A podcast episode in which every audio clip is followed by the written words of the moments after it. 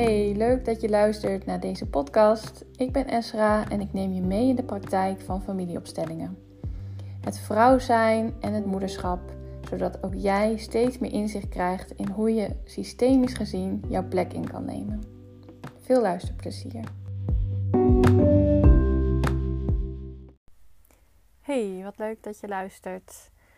Ik dacht, ik neem even een podcast op over mijn Reiki-behandeling. Misschien kent niet iedereen dat en dat is ook helemaal prima. Ik ga niet helemaal uitleggen over Reiki. Misschien leuk om een keer te googelen. Um, korte achtergrondinformatie daarover wat mij betreft is dat ik vanaf mijn vierde al bij een vrouw kom die uh, dat ik toen heel veel eczeem had. Um, die heeft me heel goed geholpen met dat te verminderen. Toen ben ik eens uh, verhuisd naar Assen vanaf mijn zevende. En toen ik weer terugkwam in Zwolle was ik 19. En rond mijn twintigste of zo ben ik weer bij die vrouw geweest. En eigenlijk uh, kom ik daar geregeld. Dat, dat kan zijn. Toen in mijn studententijd kwam ik daar wel uh, om de twee weken periodes. En ook wel eens dat ik nu een jaar niet kom en dan weer eens ga.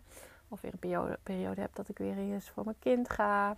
Nou goed, in ieder geval zo'n vrouw die mij enorm helpt uh, met mijn eigen dingen.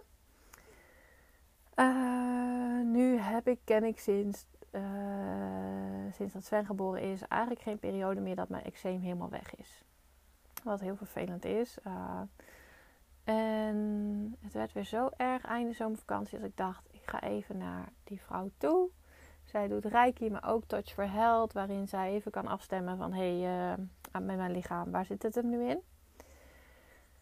En daar kwamen hele mooie thema's uit en daar wil ik het over hebben. Uh, waarom? Omdat ik daar binnenkort zelf opstellingen over ga doen. Om ja, daar eigenlijk hè, ruimte voor te geven in mijn lijf. Zodat hè, daar ook weer ja, wat spanning af kan. Want mijn eczeem had vooral de oorzaak hè, waar ik achter kwam bij deze vrouw. Hij uh, heeft heel veel oorzaak gehad, maar in ieder geval op dit moment de oorzaak uh, alles te maken met spanningen. Um, en uh, daar kwamen drie thema's uit, of drie onderwerpen waar de spanning voor nu vooral over gaat. En oh, even mijn hond.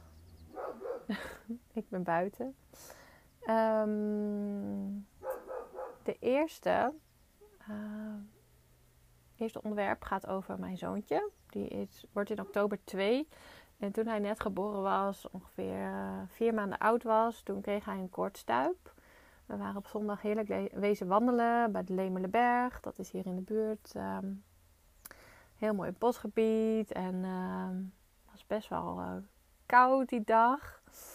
Um, en we hadden hem dik ingepakt en uh, we dachten al wat vreemd. Hij zou nu een fles moeten, maar hij sliep nog. Oké, prima. Nou, snel in de auto naar huis. Doen we thuis wel een fles. En ik pak hem uit de maxicosi thuis. En ik zag gewoon dat het niet goed was. En ik hield hem zo vast en ik dacht, man. En mijn partner zat op de wc en ik, ik rende naar mijn partner. Ik zei, het gaat niet goed met Sven. Hij zat, zag er echt uit alsof hij niet meer leefde. Nou ja, verschrikkelijk. Um, nou ja, het duurde even van wat moeten we doen. Maar wij hadden de ambulance gebeld. Nou, uiteindelijk tijdens het ambulance bellen kwam hij weer, deed daar weer wat geluidjes. Dus de ambulance zei ook, oké, dan moeten jullie nu die zelf weer wat geluidjes maken. Nu zelf naar het ziekenhuis rijden. Nou, wij in de auto, stress, spanning, enorm heftig. En daar ging deze, ja, daar kwamen we nu achter bij deze vrouw. Dat daar heel veel spanning nog op zit. Dus wat ik nu ga doen. Binnenkort, eind september, heb ik zelf weer opstellingen voor mezelf. Waarin ik naar de oude mijn oude opleiding ga. Twee dagen me weer onderdompel in het geven van opstellingen. Het leren weer. En ook zelf weer opstellingen mag ondergaan. En dit ga ik opstellen. Die moeder van toen. Die dit heeft moeten, die hiermee heeft moeten dealen. Hè, met haar zoon die ineens een soort van niet meer leek te leven voor mijn gevoel. En de stress in het ziekenhuis. We moesten heel lang wachten bij de eerste hulp. Ze wisten niet wat er was. Mijn dochter die mee moest, want er was even geen oppas. Dus ja, het was heel heftig. En eigenlijk toen ik daar zo achter kwam met die vrouw, uh, merkte ik ook dat het me nog heel erg raakte. En dat hier ook gewoon uh, nog heel veel spanning op zit. Als ik ook mijn zoontje zie en als ik denk, oh gaat wel goed. Uh, nou goed, dat, dat is gewoon nog een trigger. Zodra ik hem zie en er is iets spannends, dan voel ik nog die spanning van toen. En uh, daar ga ik dus opstelling over doen. Mijn zoontje opstellen, die moeder van toen kan ik opstellen en mezelf. En dan laat ik mij daarin begeleiden. Om hè, daar weer ruimte voor te geven, dat plek te geven, dat heftige moment, dat trauma eigenlijk van toen. Zodat, want wanneer dat plek krijgt, kan dat, hè, um, als het ware kun je je lijf dan weer een nieuw verhaal vertellen. En kan je dat loslaten en loskoppelen van toen. En dat lukt mij dus blijkbaar nu nog niet. En dan werd heel helder. Um, verder, wat er uitkwam, uh, heel interessant, uh, was een stukje van mijn schoonfamilie. Misschien zijn er wel meer vrouwen die nu luisteren en denken: Oh, dat heb ik ook. Ik ga niet alleen op details, want ik denk dat mijn schoonfamilie misschien ook maar zomaar die podcast kan luisteren. Maar in ieder geval, dat onderwerp kwam naar voren. En dat is helemaal niet erg en helemaal niet van mijn schoonfamilie dit of dat. Het gaat natuurlijk allemaal over mij en over mijn triggers. En over wat ik hierin aan te kijken heb. En dat is ook het mooie aan, denk ik, relaties aan zich.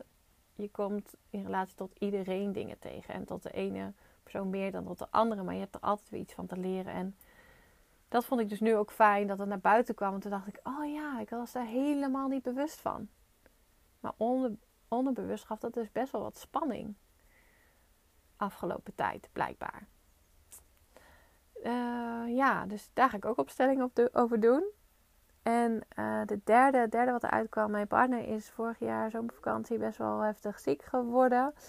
Um, uh, ja, bleek uiteindelijk, uh, dacht de burn-out, maar dat was het dus niet. Bleek iets, iets meer lichamelijks te zijn. Um, zit te denken, zou ik zeggen wat is? Nou goed, het maakt niet uit wat het is. Het is in ieder geval was een heel intense periode waarin hij ook even niet heeft kunnen werken. En uh, nou ja, met jonge kinderen ik dat best wel heftig vond. Ook om, omdat we niet wisten wat hij had en hoe ze naar de neuroloog en allemaal echt wel spannende dingen. Het gaat nu goed en dat is belangrijk. Uh, ze weten nu wat het is, dat is ook fijn. Hij heeft daar, uh, nou ja, dat, dat was gewoon een heel traject. En dat is nu een soort van wat in rustige vaarwater gekomen. En nu pas merk ik daar eigenlijk de spanning en stress van in mijn lijf. Wat ik allemaal heb moeten dragen als moeder maar, en als vrouw. En, en ook heb moeten zien bij je partner. En eh, ook, je hebt gewoon je werk en je kinderen. En achteraf denk ik wel heb ik dat gedaan? Maar dat kunnen we dus blijkbaar. Alleen daar betaal ik nu wel een beetje de prijs voor. En ook daarin hè, ga ik een opstelling doen voor mezelf. Van hé, hey, maar dit is, het is nu goed. Het was toen niet goed, het was toen spannend. Maar lief lijf, nu is het oké. Um, ja, ik denk dit. Ik dacht van, nou, ik ga hier een podcast over opnemen om ook hè, de luisteraar jou hier eens in mee te nemen wat je überhaupt allemaal met opstellingen kan.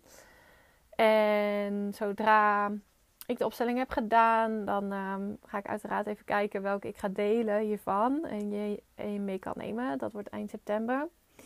Uh, en hoe dat voor mij was, zodat uh, je er hopelijk nog een beter beeld van krijgt. Oké, fijne dag en tot de volgende. Doei doei.